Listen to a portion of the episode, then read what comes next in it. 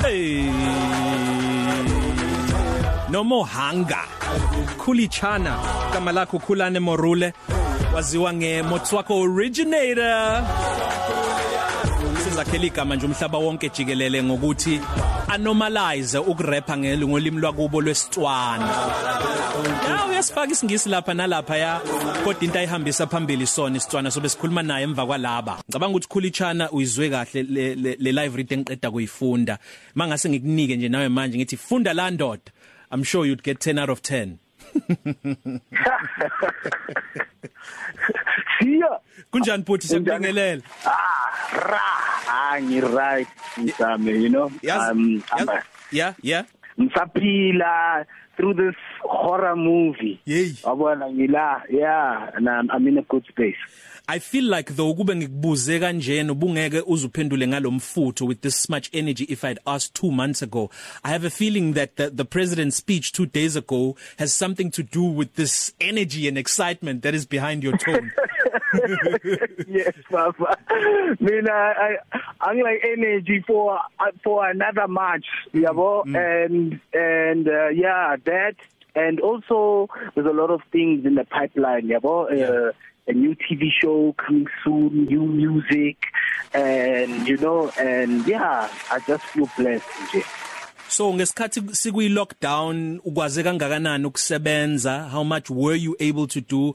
And how much were you unable to do in terms of pushing business? Ukuqhubeza nje brand yakho nebusiness lakho njengomuntu holistic ngokuphelele umrapper kodwa kuphele Yeah. nje ekutheni urap khona nezinye izinto zebusiness oyididiyelayo. Kubambe be- kubambeke kuphi kodwa kwaqhubeka kuphi futhi? Yazi na to to be ithinye tsheli iqiniso like ivar ne um lockdown yes they better it was bad mm. but now on the flip side Yeah. was that i got the opportunity to to let go of procrastinating yabo Yeah. like I, I had always wanted to do a TV show around umculo legends and amanye ama artists that are also coming up Mm. and yeah and then I just gathered the courage and the strength and put a team together and then siyasebenza and and then you know we also got to finish some collabs uh, with, with, with, with Casper.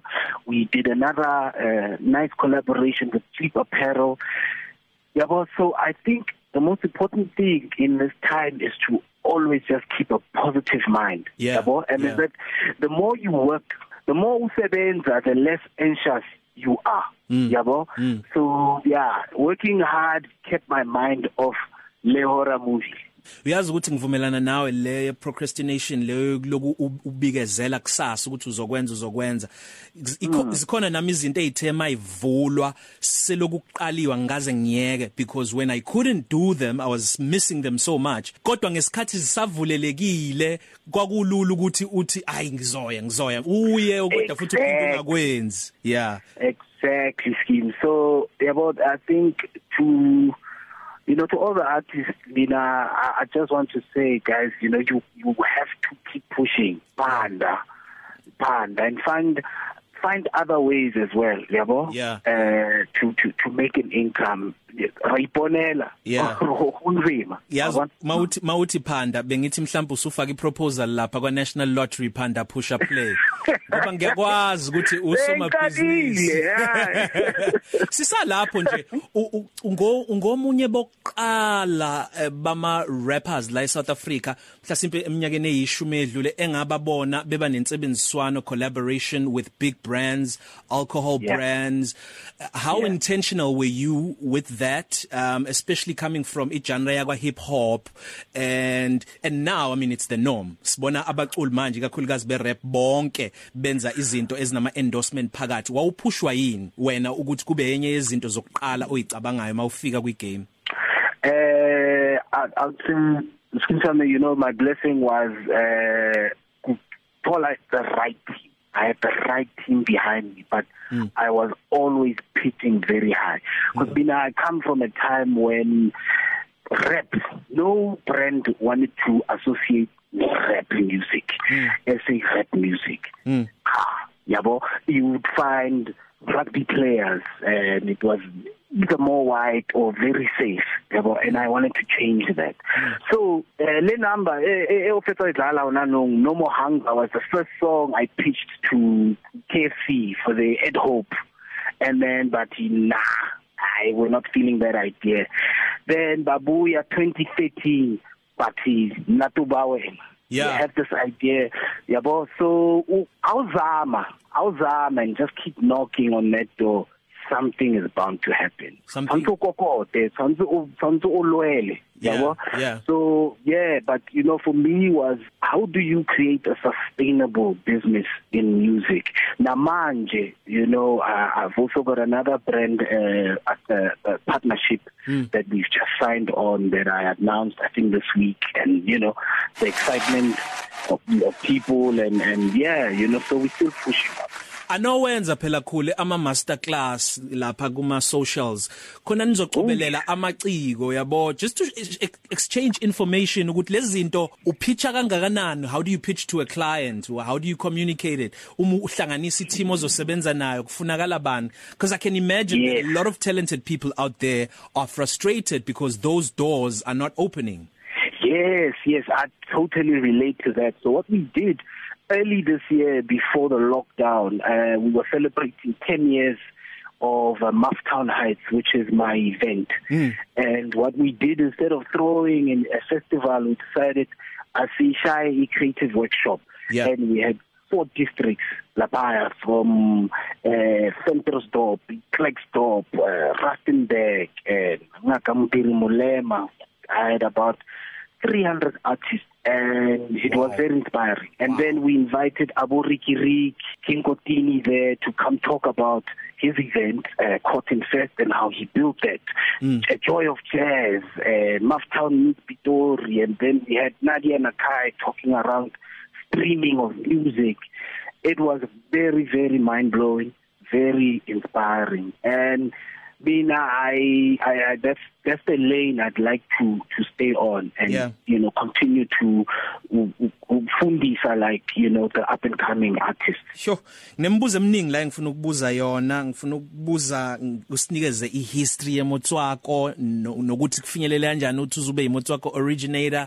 Ngifuna ukubuza ngokuthi what is the single most important element of a song to you? Is it the beat? Because sengibonile ukuthi uya invest kwi beat is it the beat? Is it the bars? Is it the verse? Is it a collabo? But let's hold yeah. that for now. Let's hold that for now because you know All what? Right. mnati kuba wena bra ayo ngiyayithanda le nkova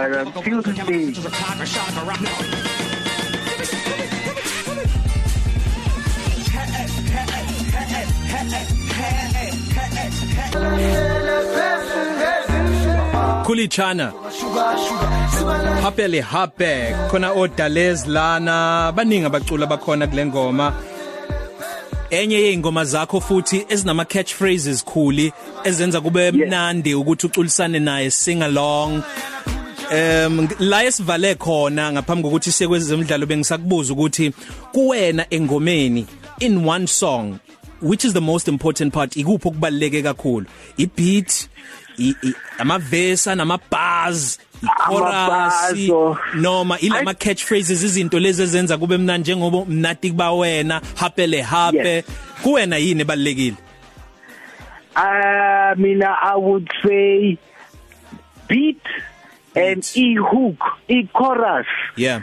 And and and why i say so uh, i always i always i always tell abantu uh, ukuthi you know Motswako became big when Epic Queen yeah. showed love to umculo wami like that is a fact that wow. is a chappies final wow. fact it must be there wow yabo yeah. because because abazi next and we could understand that hey we think it's Swana but because yeah. they could sing along yabo mm. i think yeah being being able to be relatable kancane and being having everyone from all walks of life being able to sing along yabo? Mm. i think that's that's that's the winning that's the winning formula. Yeah.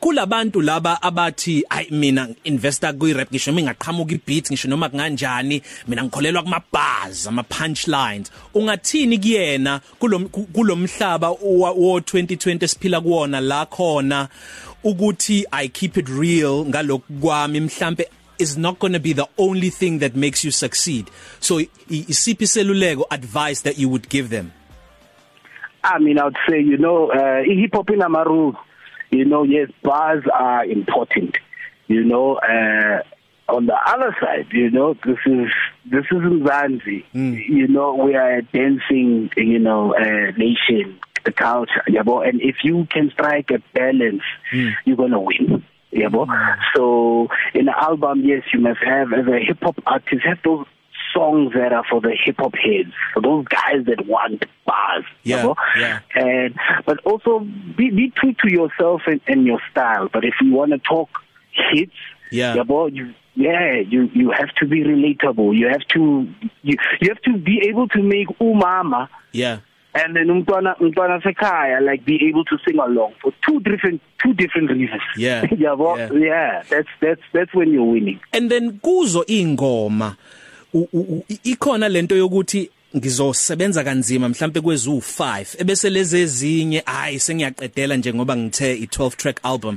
Noma uhlele emqondweni wakho kube sengazuthi zo 12 zingama hits yabo music is tricky.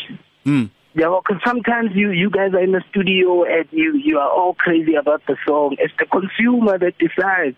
Yeah, but I know your question is that sometimes you you recorded like 20 songs yeah. and you have to yeah, you have to just ufukutse just go in kancane kancane you know so take it down to 12 uh, i'm i'm i'm shocked with Casper's Casper's new album is about 21 songs i yeah. think or, or 19 or something and you know i thought the concentration and just like the span mm. sabantu has, has just become very short so it's it's it's unpredictable yeah speaking of it's that very, speaking yeah. ngaloko unpredictable um i rap game i volatile namhlanje u number 1 kusasa new kid on the block uyena oblow ama charts poster kid ye rap um udlala kuphi wena? Ake ngilinganise kanje. Kwa gospel yeah. kwa gospel khona uBenjamin Dube.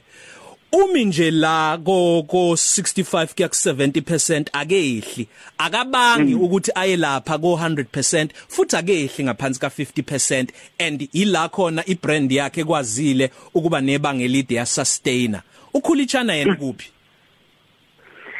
Yo I mean uh I mean I'm a, I'm you know I'm what you call a legacy artist yabo? And and it's because you're not always going to be flavor of of of of the year. Mm. so i think what's important is how you position your brand in this business né and yeah. also beyond wena what are you doing? Yabo like we created Maftown Heights.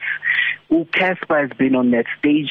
When he was starting u aka uh Noti a lot of artists even artists by Basete Queen have been on the Maftown Heights stage you know and when you're not hot and you're being able to do other things within the music industry it's going to sustain you it's going to give you longevity. Mm. yabo? Yeah. mara i'll be honest being number 1 will always be like there's no there's no better feeling. And mina nyabuya like i'm i'm coming back for that number 1 spot. Umucabanga ubani o number 1 njengamanje la eMzansi kwi rap Ah njengamanje I Ivar I Casper right now his album is, is like charting everywhere he's killing it okay. yabo? and then I'm also excited about Uzako and Duncan doing a, a collaboration album. Mm -hmm. I think that's going to be very exciting for hip hop and then who else? Kune engintwana yam uh MDB you must look out for MDB okay. Yay!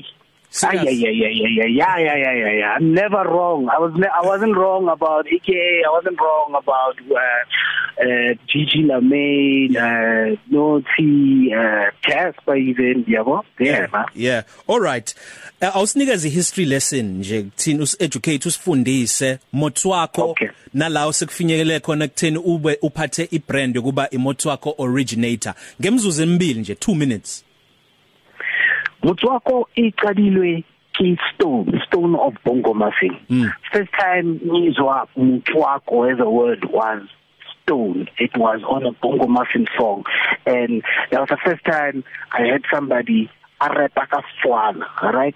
And then there was Buffy Feely. Was two guys.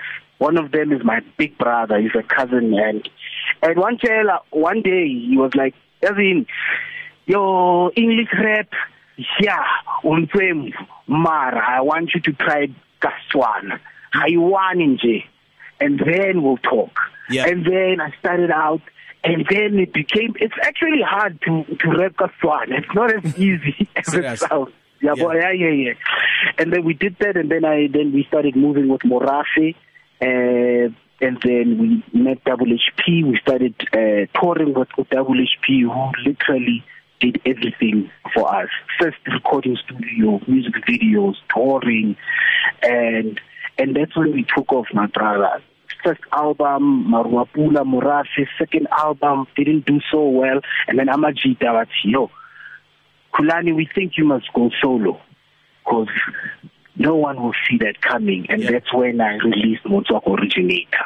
wow That was uh, 2008 and then two, and then 2012 I released Lost in Time. Lost in Time in the history of music is the first hip hop album to win best album of the year Kumasama. yeah So yeah, you know, and I think that changed the game. Yeah.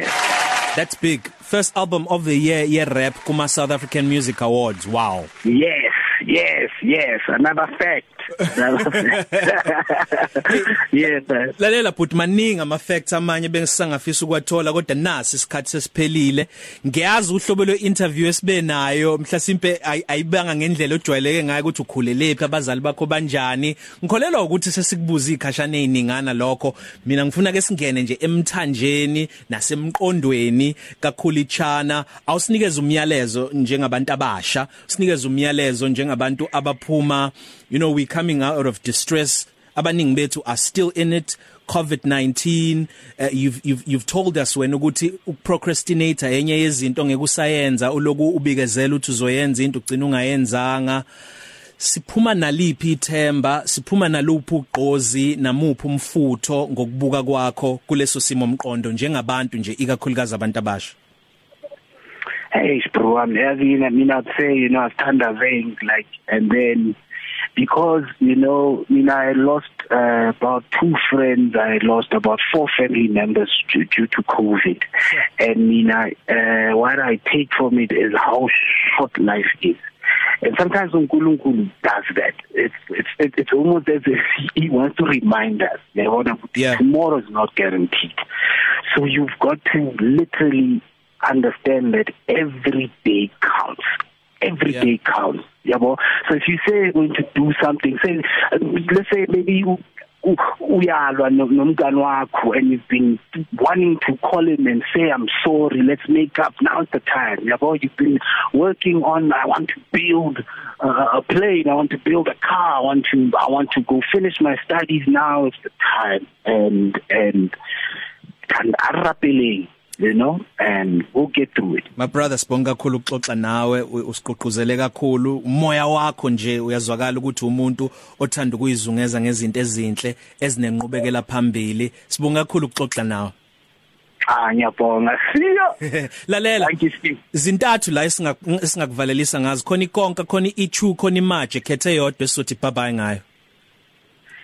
Oh, Martin. Uh, you mean what the, the, the, the meaning behind the song or, or no no no we've got a choice of 3 songs ichu konka Yeah. or maje which one do you choose Ah, Martin. Martin. Boy, that's my favorite song now, Martin. Yeah. what can we expect next from Kulichana utholakala kuphi kuma socials Uh, catch me on at Kulichana01 Instagram, at Kulichana Twitter, Kulichana fan page, that's Facebook. Expect new music. I'll be making a big announcement very soon, new deal. And Etequin, thank you so much for showing Mutwana, Mutwana Yamafikeng so much love. Ngiyathanda lonke. Siyabonga kakhulu Motswako originator uyenzele for the culture. Sibonge kakhulu bhuti. Yo, I'm a traveling. Quarter past 3 cafe.